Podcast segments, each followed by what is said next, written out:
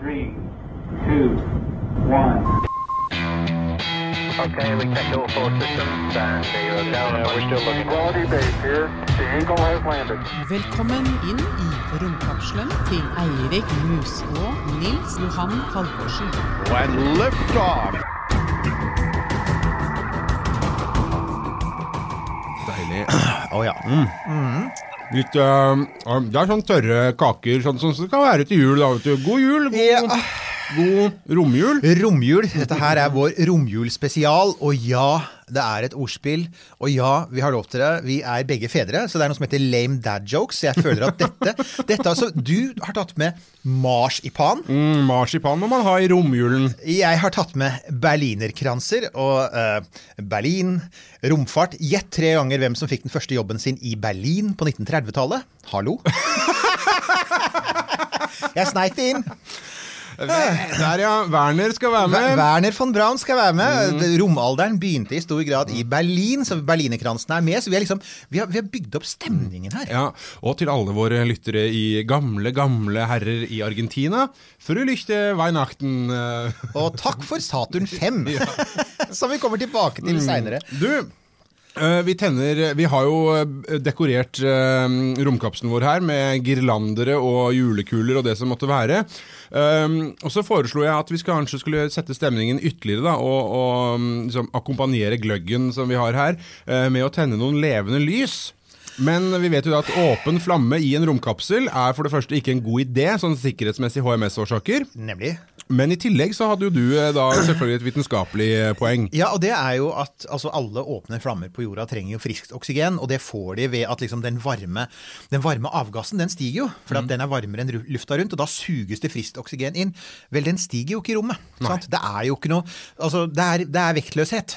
Så det vil si at det danner seg en, en boble av CO2 rundt lyset som stort sett kveler det. Så sant så sant du ikke setter opp noe trekk, da, for du har jo noen vifter om bord i romstasjonen. Men i vår lille, romkapsel så fins jo ikke det.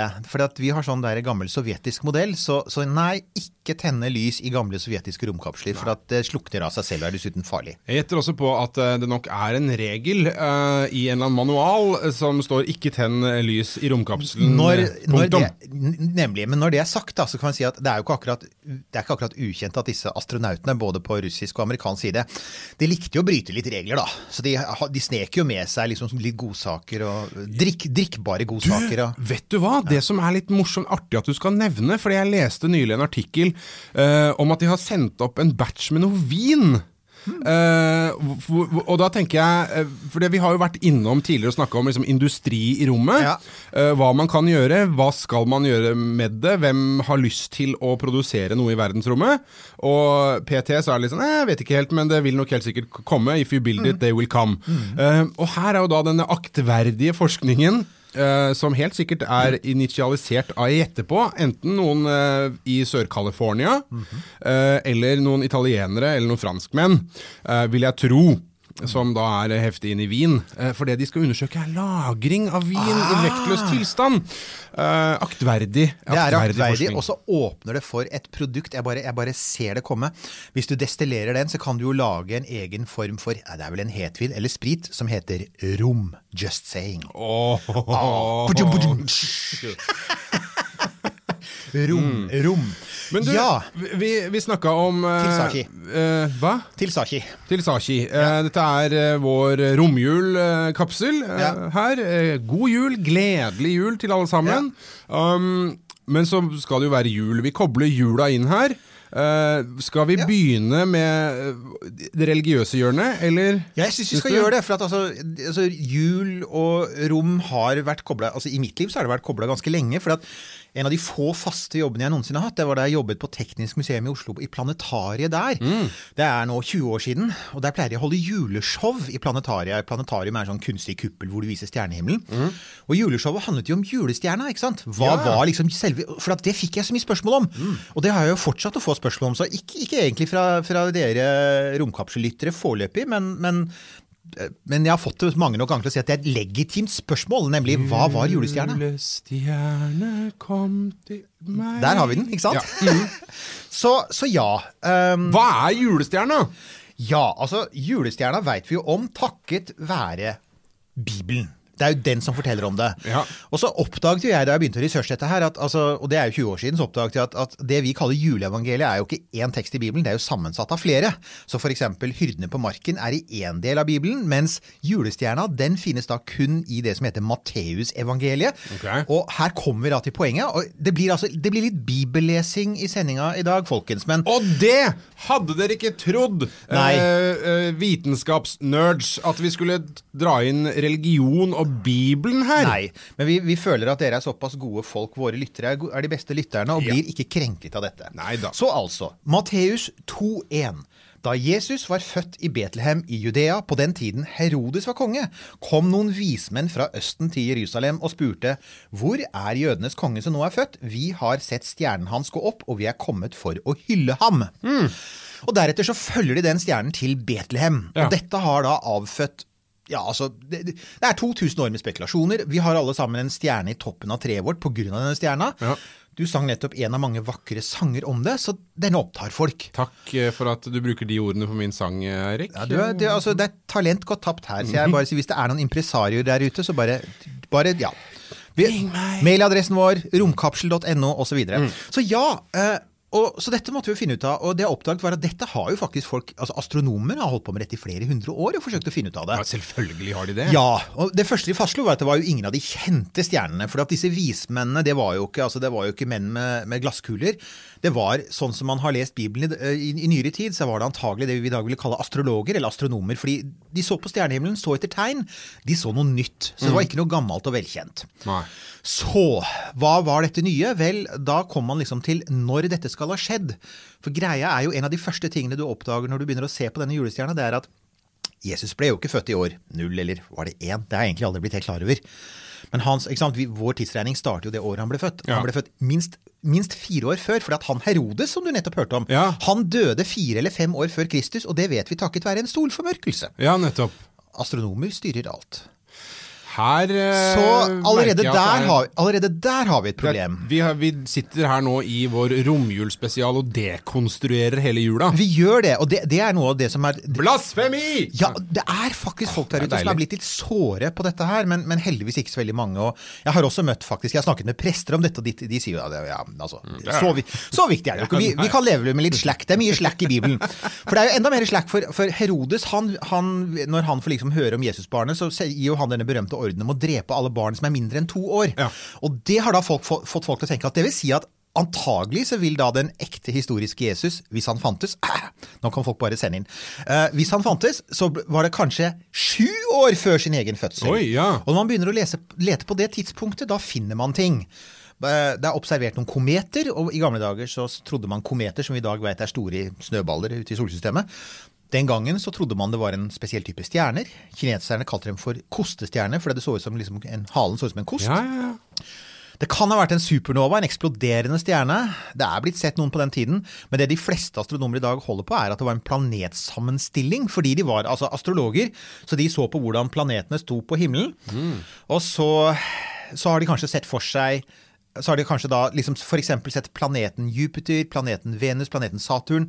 Alle sammen viktige planeter. Og det var en sånn stor planetsammenstilling av Saturn i fiskenes tegn sånn ca. år sju før Kristus, som kan ha betydd dette.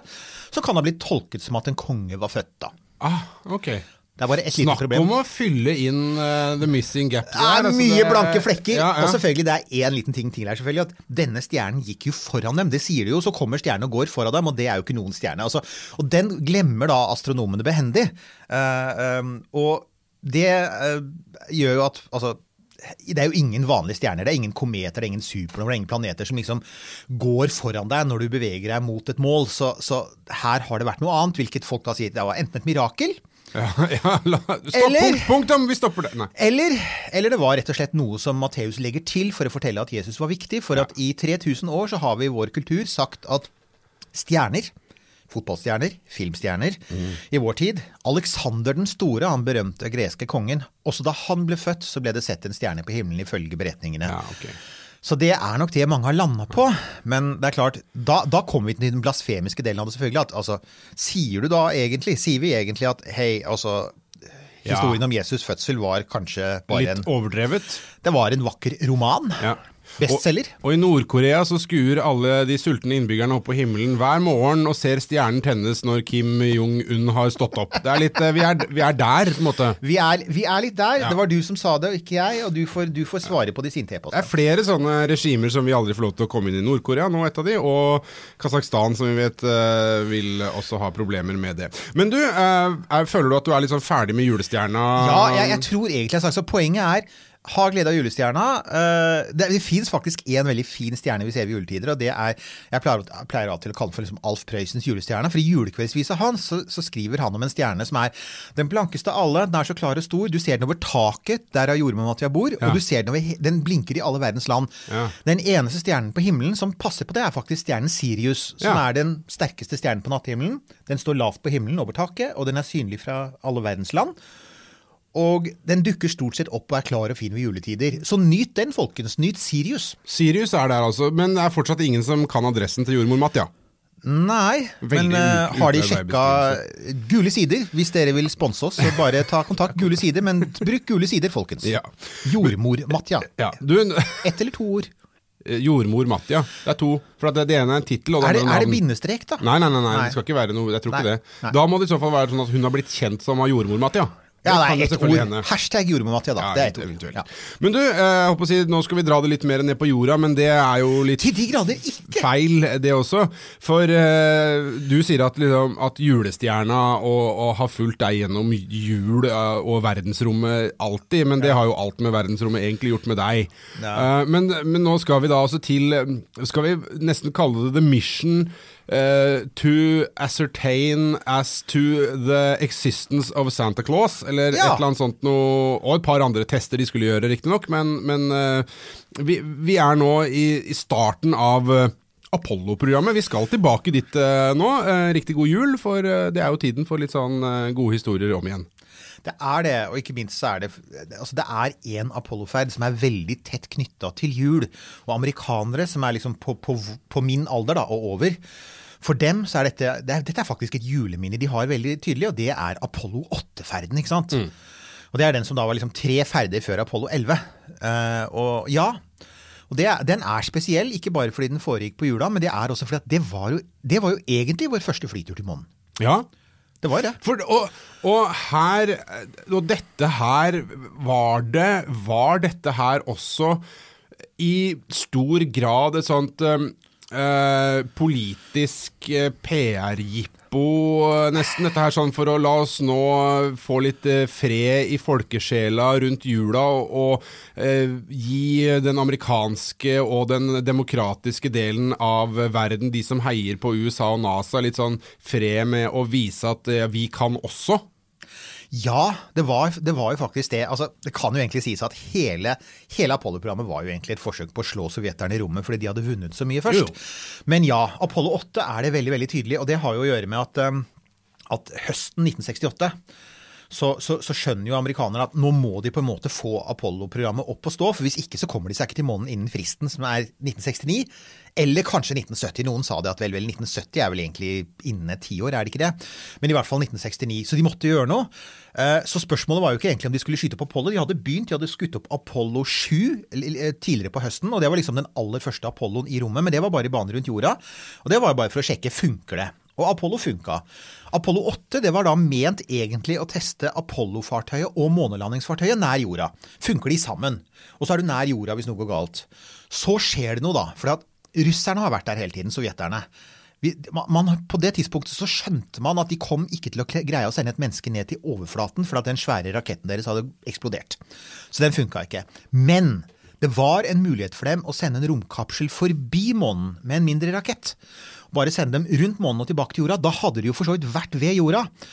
De ville ikke ha landa. Ved månen. Ved månen. På, ikke sant? De hadde vært ved månen, men de ville, de, ville, de ville jo ikke ha landa, og det er en større bragd, men det ville jo helt klart redusere glansen av den amerikanske månelandingen. For da vil alltid folk si jo, jo, men Alexe Leone var der høsten 1968, han var ikke der nede, men han var jo der ute, han kunne kanskje ha gjort det. Han var i nabolaget. Han var i nabolaget, han var, han var bare noen kilometer over, ikke sant. Så, så, så, og da fikk jo, så NASA sitter jo da sånn høsten 1968 med litt panikk, da.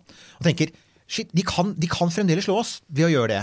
Da er det planen dukker om at hva om vi istedenfor å ha Apollo 8 i bane rundt jorda ved juletid i 1968, så sender vi altså Apollo-fartøyet til månen. Rundt månen for å slå sovjeterne der.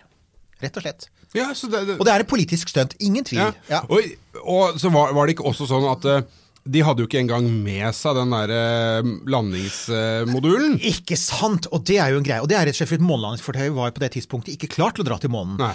Så de dro uten. Det er bare det er altså, de, de, de må jo dra med Saturn 5, den store måneraketten, for det er den eneste som kan sende Apollo til månen. Den har de aldri hatt mennesker på før, så det er sånn en first. De har aldri altså sendt opp mennesker på Saturn 5. Eh, Apollo 7 ble sendt opp en mindre rakett. De har aldri sendt mennesker ut av jordas gravitasjonsfelt. Det er også en first. De har selvfølgelig aldri sendt noen i bane rundt månen. De tar, det er mange første. Og de har altså ikke engang med seg månelandingsfartøyet, som jo tross alt fungerte som livbåt også. Nettopp. Apollo 13, ikke sant? Ja. Du husker Apollo 13-filmen? ja. Den er jo fabelaktig. Strålende film. Anbefaler den sterkt. Vi har, jo, vi har jo tidligere hatt en filmspesial, det får vi minne folk om, hvis ikke dere har hørt den. Gå tilbake og hør på filmepisoden, for det er jo helt strålende i romjula! Å Ja. se gode og ikke fullt så gode Ja. eh, romfilmer. Ja, og Apollo 13 er utvilsomt en av de beste. Og, og der er jo poenget i Apollo 13, som det var i virkeligheten, er jo at selve Apollo-fartøyet altså selve Apollo-fartøyet, eh, der eksploderte oksygentanken.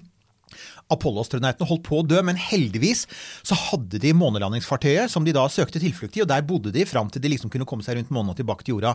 Den fungerte som en livbåt. Den hadde ikke Apollo 8, og her er jo poenget, den ulykken som rammet Apollo 13, den kunne jo fort ha rammet Apollo 8, det var bare en tilfeldighet at den rammet nummer 13. Med andre ord, hadde den skjedd med Apollo 8, så hadde jo, da hadde Apollo-programmet vært over. Altså, Jeg tror ganske mange av eh, de astrologene som du har referert til tidligere, nok vil påstå at det ikke var tilfeldig at eh, denne uhellet skjedde på Apollo 13, men det vi, eh, Digresjon. Vi skal, ikke, vi skal ikke gå videre inn i, i den der smørja der. Nei. Eh, Men det er jo, det er jo et godt poeng. Så her var, det, her var det virkelig make or break. Det kunne blitt en eh, juletragedie av dimensjoner, det her. Ja da, det kunne det, og, og folk var veldig klare over det. Det finnes intervjuer, ikke minst med konene til disse tre som dro, da. Og de tre som dro, det var jo eh, eh, Det var en fyr som het Bill Anders, eh, Jim Lovell. Og så en som het Fred Hace. Det var de tre astronautene som ble sendt av gårde. Og, og konene til eh, Anders, Lovels og Hace de er jo blitt intervjuet i ettertid. Og, og de var faktisk in, de, var, de, de var informert. De var jo ikke dumme. De skjønte jo at eh, det var en stor sjanse for at de kom til å miste mennene sine. Og en av dem forteller hun snakket med en NASA-ingeniør og sa liksom Vær ærlig, hva er sjansen? Hva er sjansen for at de kommer tilbake? Og sa rundt 50-50. God jul, da! God jul! Eh, og det, det minner oss litt, det er en liten påminnelse om at ja, det var altså Hele Apollo-programmet var et kjempesvært sjansespill som i ettertid så vi sier ja, men selvsagt kom vi oss til månen. Nei, folkens, dette her var å pushe teknologi til det absolutt ytterste. Ta masse sjanser. Og de tre som reiste, var selvfølgelig også veldig klar over at de, de kasta terning med, med livet sitt. Det gjorde. Det som jeg syns er morsomt uh, som Jeg lærer så mye av å være her sammen med deg, Eirik. Takk for det. Ja, det er som er gøy, er jo at i Apollo 13-filmen så lærer vi at uh, hver mission, altså hver sånn nummer, uh, har jo også et, eh, de har et mannskap, og så har de et backup-crew. Ja! Eh, og det er litt gøy. At uh, backup-crewet til denne juleferden eh, er eh, i hvert fall eh, altså en, en kjent gjeng. Det er det! Dette er jo våre gode venner som vi har dekket i episode én. som dere også kan høre på om dere vil. Det er selvfølgelig Neil og Buzz og Mike. De tre første på månen i eh, Altså de to første nede på månen. Og, Og så selvfølgelig Mike han, Collins, han ja. Mm. som alle har glemt, men som egentlig fortjener å huskes. Neil Armstrong, Buzz Aldrin og Michael Collins de var jo backup-mannskapet. Og så veit vi jo det at uh, sånn juletider er jo gjerne en sånn uh, krankhetstid, da, som Werner von Braun ville sagt. Uh, det er liksom en influensasesong. Når du bringer han på bane. Det har lært av deg. Ja. Uh, så det, det, det er jo ikke helt usannsynlig at uh, Nå blei det jo ikke sånn, men det kunne jo da ha vært uh, Det er, det er helt sant. Elvegjengen som dro opp på åtte. Helt sant, og, og faktum var at det var jo nærmere enn en, en folk skulle ha trodd, kanskje. Fordi uh, det fins en veldig god dokumentar der ute som ligger på et nettsted som begynner på U. Uh, y. Unnskyld, begynner på Y og slutter på E. Eh, jeg er ikke helt sikker på hvor lovlig den er lagt ut, for det er, en, men det er, det er USAs eh, NRK PBS som har laget den. Den handler om. Apollo 8, så hvis dere går i det, til det nettstedet og bare skriver Apollo 8-dokumentar, så vil man faktisk eh, se Der, der får man en, en times gjennomgang. Og en av de tingene jeg lærte av den dokumentaren, det var at rett før de dro til månen, så var de invitert på en stor, en stor gallafest i Det hvite hus. Det var den avgående president Johnson. Han ville liksom sånn, han ville ha litt astronauter rundt seg, for det kastet litt glans over han. Det var samtidig mens det gikk en svær influensa. Den het Hongkong-syken, og halve verden hostet og snufset. Så igjen, konene til de tre astronautene, de var sånn Ja, men hallo, dere kan ikke, dere kan ikke ta disse tre astronautene som skal være i karantene, og plassere dem i så, de, så hun ene forteller at hun sitter under middagen, hvor de er liksom sånn artister og mus, musikk, og, og folk er i sånn pent sånn kjole og hvitt og alt mulig. Og, og presidenten skåler for dem, og så hører hun folk hoster og nyser og blåser nese og bare tenker Åh! Men der er blanda følelser, da. For det er sånn Å, om, om min mann får Hongkong-syken, Ja. ja. så, så er det ikke han som drar til månen. Det er ikke han som tar den 50-50-sjansen. Det er disse her tre karene Neil og Buss og Mike. Kult nok, da, hvis de hadde dratt på Apollo 8, og det hadde gått bra hvis disse tre gutta som da eh, var hos presidenten og kanskje hadde fått Hongkong-syken, hadde måttet bli hjemme. Ja. Ja, så er det da blant annet Altså, backup-mannskapet var altså da faktisk Bill Anders og Jim Lovell. Uh, det, så, så Bill Anders ville ha vært en av de første på månen. Muligens Jim Lovell ville ha vært det første mennesket på månen hvis han hadde fått forkjølelse i desember Ja. 1968. Historie er gøy, ja. Det, er, det, er, det er mye visst, da. Det er mye visst, da. Men det er, det er, en artig, det er et artig sånn tankeeksperiment å holde på med. Og da, da kan det jo hende Eller da hadde vi vel garantert ikke hørt uh, Small Step uh, osv. Nei, altså for det var jo noe som vi nå etter hvert har skjønt, var noe som Neil Han fant det Armstrong- bare på. Han fant det på underveis, så det kan jo godt hende at, uh, at Jim Lovell hadde sagt noe helt annet. Sånn, ja, sånn yippee-ki-yay eller sånt noe. Ja. Kanskje ikke den siste tingen som uh, sies i den beste julefilmen av alle. Det er godt at du sier det, for at uh, Jeg så det her om dagen på Facebook. Ja, men hallo, du kan ikke diskutere om, om uh, gripe tyren ved hornene der. Altså, det er en julefilm. Det Get er det. Ferdig. Nakatomi Towers, vi sier ikke mer. Jo! uh, Ho, ho, ho, now I have a machine gun. Nemlig. Og så Altså, den T-skjorta. Jeg bare sier det. Den skal jeg ha. Ja. Uansett, uh, uh, altså dette, den ble jo, altså Apollo 8 ble skutt opp med Saturn 5, som var bygget av vår gode venn Werner. ble skutt opp 21. desember øh, 1968. Ta litt Werner-krans, jeg. Gjør det, og så tar det tre dager å komme fram til månen. Det, det gjorde det for alle Apollo-ferdene. Tre dager å komme fram, så det vil si at de kommer fram til månen 24. desember. De bremser opp, går i bane rundt månen, og de skal være i bane rundt månen. Ti ganger skal de gå rundt månen. Og når de skal være der, skal de, de skal teste at de kan prate med jorda, de skal teste at rakettmotorene funker, de skal teste at datamaskinen ikke krasjer. De skal også kartlegge månen. Ja, for de skal leite etter et landingssted, skal de ikke det? De skal det, for at, altså Amerikanerne sendte jo masse satellitter til månen for å lete etter landingssteder. Det er ikke det, men, men satellitter den gangen hadde jo altså, De beste kameraene du hadde, var jo ikke digitale. De beste kameraene du hadde, de var analoge, og det beste kameraet du kunne holde i hånda, det het Hasselblad. Svenskprodusert. Mange vil jo mene at det fremdeles er et av de beste kameraene. Ja da, og det, jeg, jeg støtter dem på det. altså Jeg skulle gjerne hatt en Hasselblad selv, jeg, hvis jeg hadde råd til det. Men altså, dette var nydelige kameraer. De var, de var spesialkonstruert. De hadde laget en spesialutgave for bruk i rommet, i vektløshet. Um, så de retter da, så, så det er da astronauten Bill Anders. Han har da i jobb å peke Hasselblad-kameraet ned mot områdene som man skal lande på noen måneder seinere, for å ta så høyoppløselige bilder som mulig. Og det er altså, Mens han holder på med det, og driver og holder på med kameraet sitt og tar bilder, så er de på vei ut altså de, de er jo da på baksiden av månen. Da har de ikke kommunikasjon med jorda. Da kan de heller ikke se jorda, for at liksom månen ligger mellom eh, dem og jorda. Så kommer de ut på framsiden igjen. De får kontakt med jorda, og det er da også NASA begynner å høre stemmene deres, for da får du radiokontakt igjen.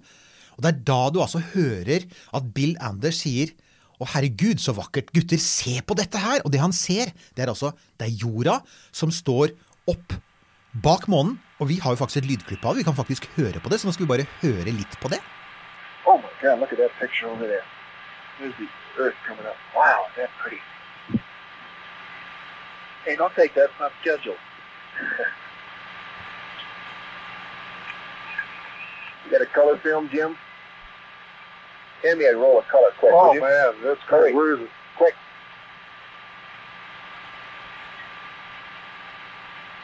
It's out here. Just grab me a color.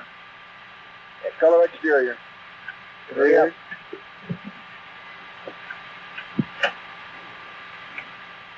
Got one? Yeah, I'm looking for one. C368.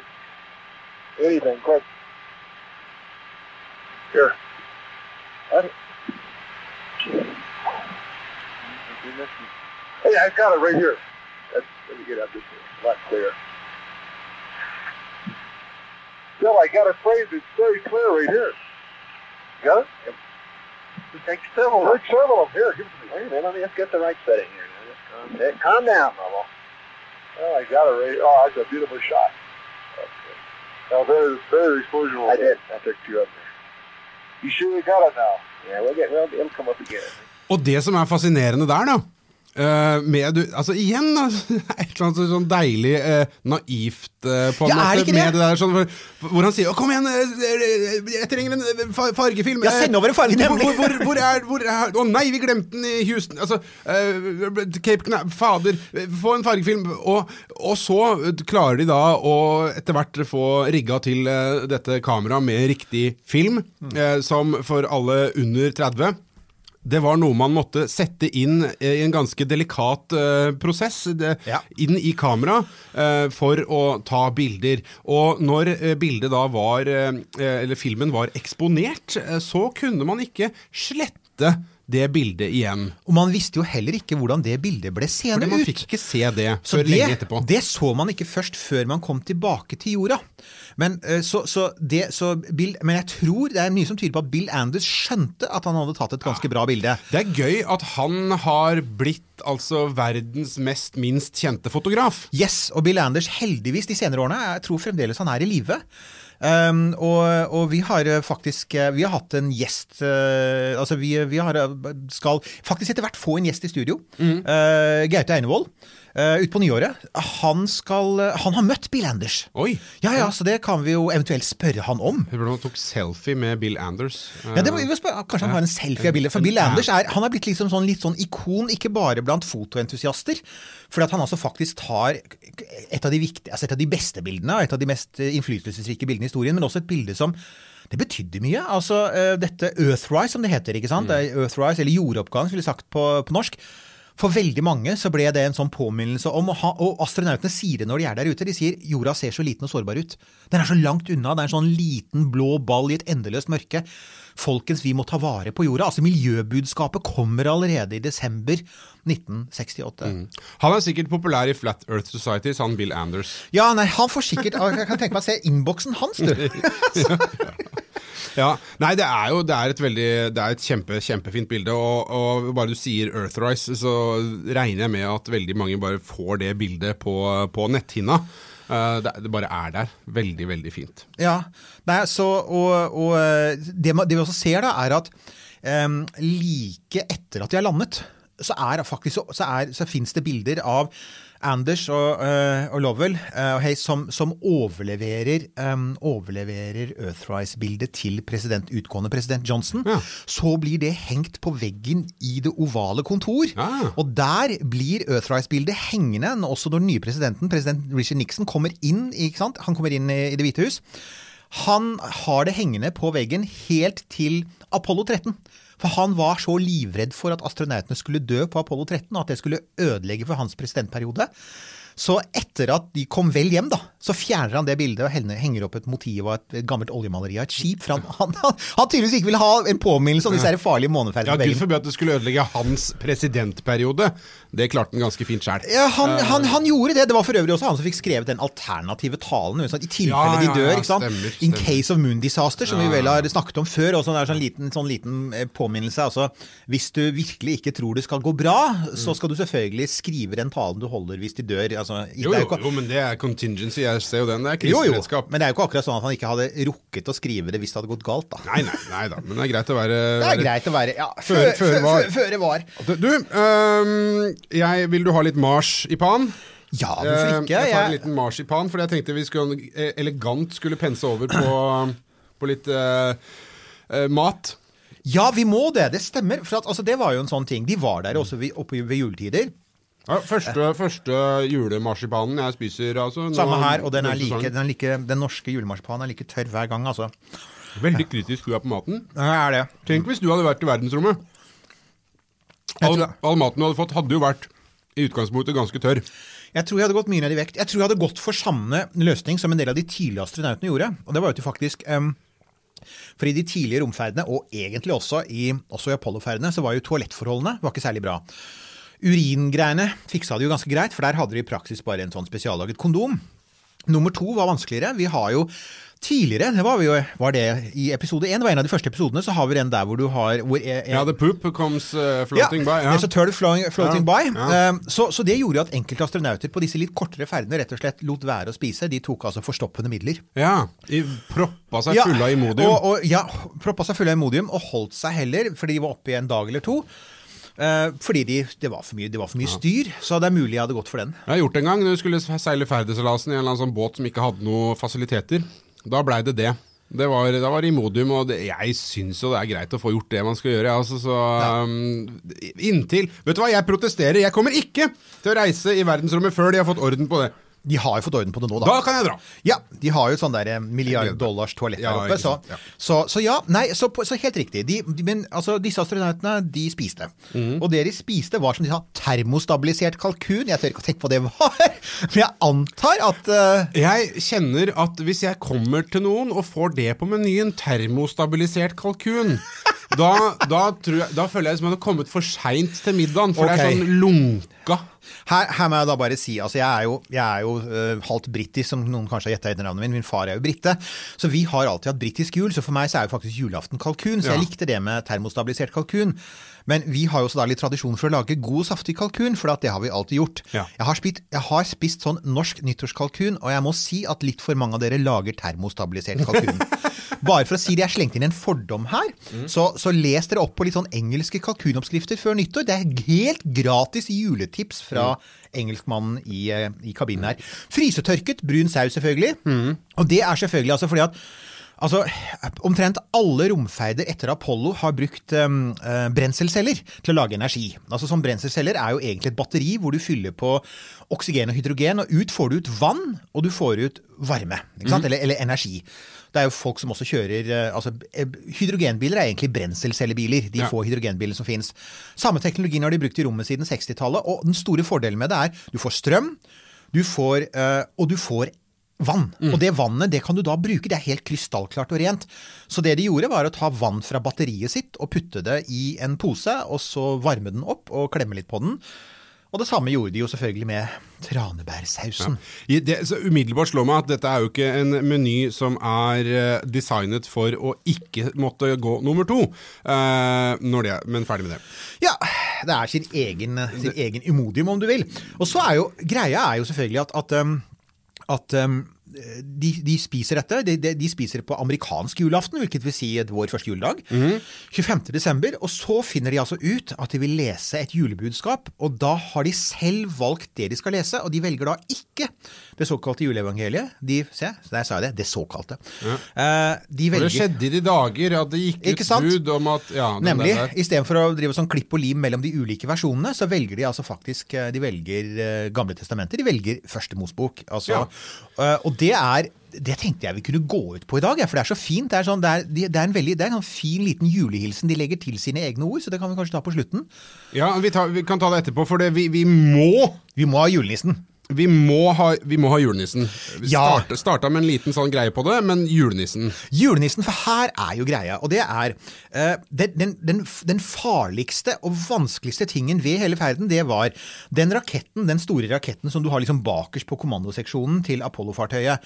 Det var en rakett som var bygd for å startes flere ganger. Du måtte, du måtte fyre den av for å bremse opp for å komme inn i månens bane, og så skulle du fyre den av en gang til for å komme deg ut av månens bane. Mm. Måtte altså, så, og da hadde, jo den, da hadde jo den ligget i ro i mange dager mens de sirkla rundt månen. Så man visste jo ikke om den rakettmotoren ville starte opp igjen. altså Man var ganske sikker på det, men man visste ikke. Så hver eneste gang um, dette skjedde, og det var også sånn at eh, den raketten den måtte avfyres når, man var på, når de var på baksiden av månen. Ja. Som andre ord, eh, det var for at altså, du, du er på baksiden av månen, fyrer av raketten, og så får du løpefart. Og da svinger du rundt og kommer deg ut på framsida og tilbake til jorda. Så i kontrollsenteret i Houston satt de bare og venta på når radiosignalet skulle dukke opp. For hvis det, hvis det dukket opp på riktig tidspunkt, akkurat riktig tidspunkt, da visste de at raketten At, uh, hadde fyrt av. ikke sant? Ja. Hvis det dukket opp seinere, jo lengre tid det tok, desto sikrere var det jo at raketten ikke hadde fyrt, for da fløy de jo langsommere. Ja. Så de sitter der og venter, og du kan altså faktisk høre dem si da sånn liksom sånn Apollo 8, Houston, beep, ikke sant? Apollo 8, Houston. Og så plutselig så kommer det, og det kommer på nøyaktig riktig tidspunkt, og da sier de altså disse bevingede ordene. Roger. Please be form, there is a Santa Claus. That's affirmative. Yeah, the best one to know. Det har blitt sagt mange eh, svært bevingede ord. Men Apollo, 8, ja. altså Apollo 8 fortjener Syns du ikke den? Fortjener oppmerksomhet. ja, den er kul. Ja, ja, den er det. Den Dette det. er en av de beste, spør du meg. Det liksom, for meg så er det sånn Jo, selvfølgelig Apollo 11, og så Apollo 8. Ingen tvil. Mm. Ja, nei, men det er bra, og det er godt at de Det er jo fint at de har litt eh, sånn eh, humor på disse her realfagsstuntmennene realfags-stuntmenna som Ja. holder på på her. At de kan, de kan liksom løsne på snippen, bitt, sirupsnippen, bitte lite grann. Eh, det er greit. Det eneste er selvfølgelig at jeg er sikker på at det fins noen det finnes antagelig et julenissekonspiranoia-miljø der ute som insisterer på at han faktisk fins. Og som vil si at her avslørte de seg. Og så har, så har NASA siden brukt over 50 år på å dysse ned den virkelige sannheten, for de så han der oppe. Han bor ikke på jordas nordpol, han bor på månens sydpol, der det også er is, som vi nå vet. Uh, Eirik News. Ja. en ting vi, før vi eh, lar julefreden og romjulsfreden nok en gang senke seg, så er det en annen ting vi må Det ta er vondt, det er vondt men det må eh, gjøres. som også har blitt forsøkt dysset ned i mange år. Eh, eh, Suksessfullt sådant eh, for mitt vedkommende, inntil du da altså har driti på!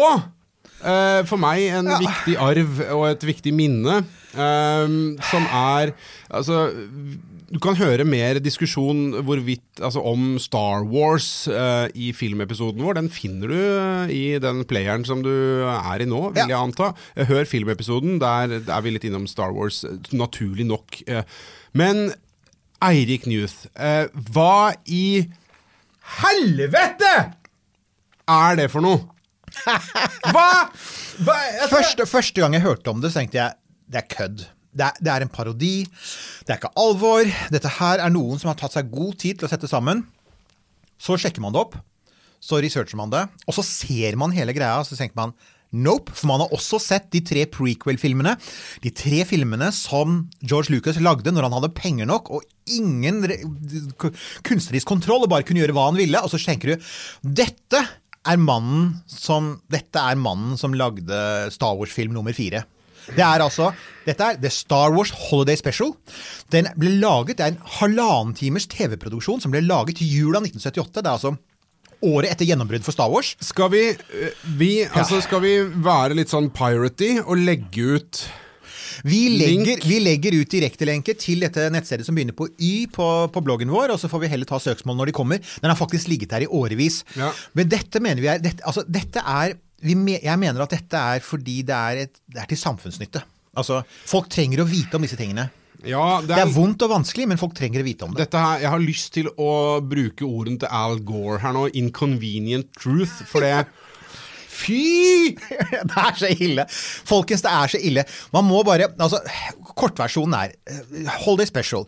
George Lucas hadde en idé om at han skulle starte en ny juletradisjon, og det han skulle fokusere på, var Wookiene, ikke sant? Chewbacca, og hans familie. Kjempeidé! Ja, så, så dette er lagt til Wookie-planeten Kashyyyk, som faktisk dukker opp i en av de seinere filmene. Det er Chewbaccas kone og lille sønn, tror jeg, og utrolig Og en eller annen bestefar Som som er det mest- spikker på en X-Wing. Fy! og som etter hvert ender opp med å se på virtuell porno. Uh, disse tre venter på at Chewbacca og Han Solo skal komme hjem fra et oppdrag. Og mens de venter De kommer jo ikke hjem, da. Og hun står der med forkle og Ja. Og Driving Home for Christmas foregår da i Millennium Falcon, selvfølgelig. For øvrig en ganske dårlig versjon. Du kan nærmest se at, at, at settet bak flagrer. Hvis, du ser på, hvis, du ser på, ja, hvis du ser på Harrison Ford i de klippene fra Millennium, så ser du hvordan endte jeg her? Hvilke livsvalg gjorde jeg for å ende den situasjonen? Uh, uh, Carrie Fisher ser ut som hun er høy, det var hun antagelig. Hun, hun slet med kokain på det tidspunktet. Og jeg tror hun tok en ganske to, stor snort for å orke. Men hun synger en sang på slutten som er altså Bare, bare, oss, kan vi bare få lov til å dvele bitte lite grann med akkurat det du sa der? Hun synger en sang på slutten! Ja, ja. Da har du vært gjennom halvannen time med, med grynting. Det er nesten bare Wookie-grynting. Ja, det- Det er bare Det er, det er det, og det er jo ikke, det er jo ikke eh, altså, Og så er det noe eh, Ja, og så blir og så er det noen slemme fra imperiet som kommer inn hjem til dem, og så er det et, et lite klipp med noe matlaging med en, åtte, med en firearmet dame i fiolette klær. Det er noe danseshow, og så er det Cantina-bandet er jo inni der også. Cantina-bandet med, um, ja, med en, eh, den, den, den TV-serien som heter Golden Girls. Eh, Som er sånn der med fire pensjonistdamer i Florida. Eh, Bee Arthur heter hun. Hun ble veldig kjent i den serien. Hun spiller hun, hun er jo da utsatt for noen sånn metoo-greier fra en creepy dude som heller en drink i et hull i hodet sitt. Du, du vil ikke tro det før det er Du ser det! Og så er det Jefferson Starship. Ja, og en eller annen sånn syngedame som dukker opp uh, inni der. Og I det er noen dansere på det der sjakkbrettet som de har i Millennium Falcon. Og så er det noen eh, gjøglere. Det er, det er litt sånn nysirkus. Nysirkus møter den dårligste hjemmevideo noensinne. Mine damer og herrer. Men dere må se den, det er poenget. Dere det, det, er, det er romjul. Det er dessverre ikke mulig ennå å feire jul i rommet.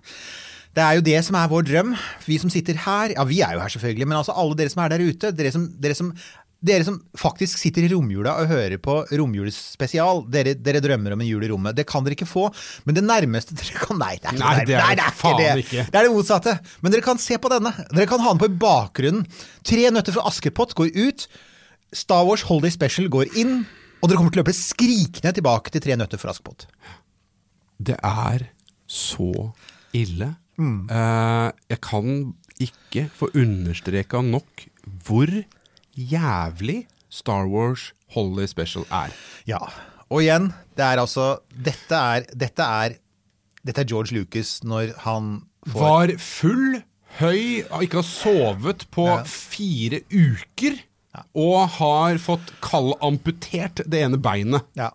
Så saken er, det, det finnes jo et uttrykk der ute på internett som heter 'cannot be unseen'. Altså Når du først har sett dette, du kommer aldri til å glemme det. Du er hermed advart. Hvilket vil si selvfølgelig at du må løpe og se det, for det er rett og slett, det er rett og slett bare for bra. Det er et car crash-dimensjon. Ja.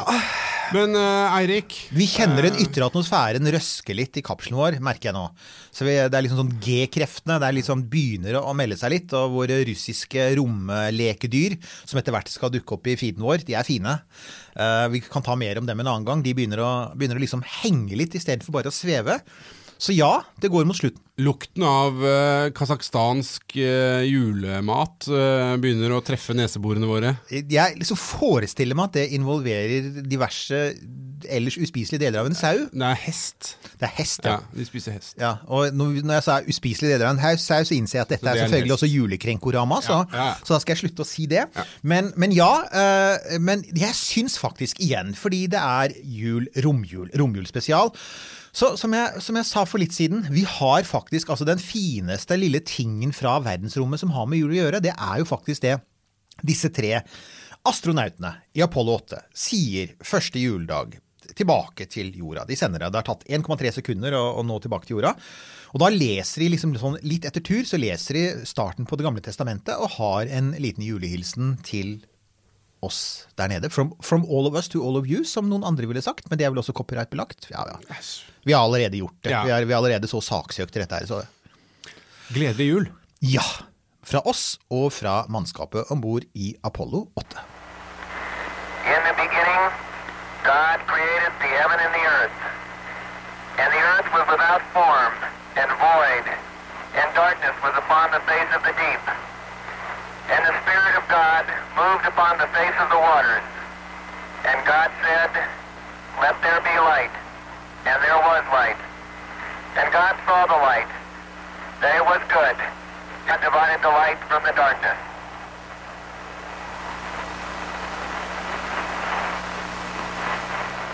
And God called the light day, and the darkness he called night, and the evening and the morning were the first day. God said, Let there be a firmament in the midst of the waters, and let it divide the waters from the waters.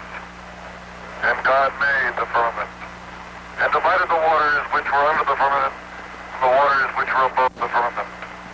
And it was so. And God called the firmament heaven. And the evening and the morning were the second day.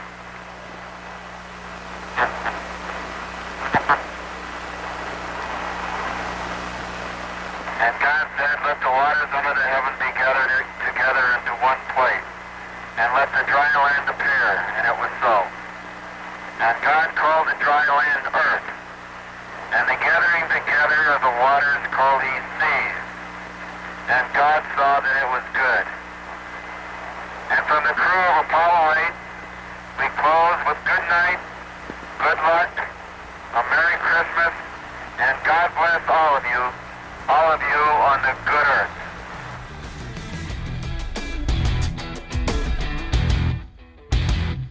Denne Podkasten er produsert av Tid Tid og. Lyst.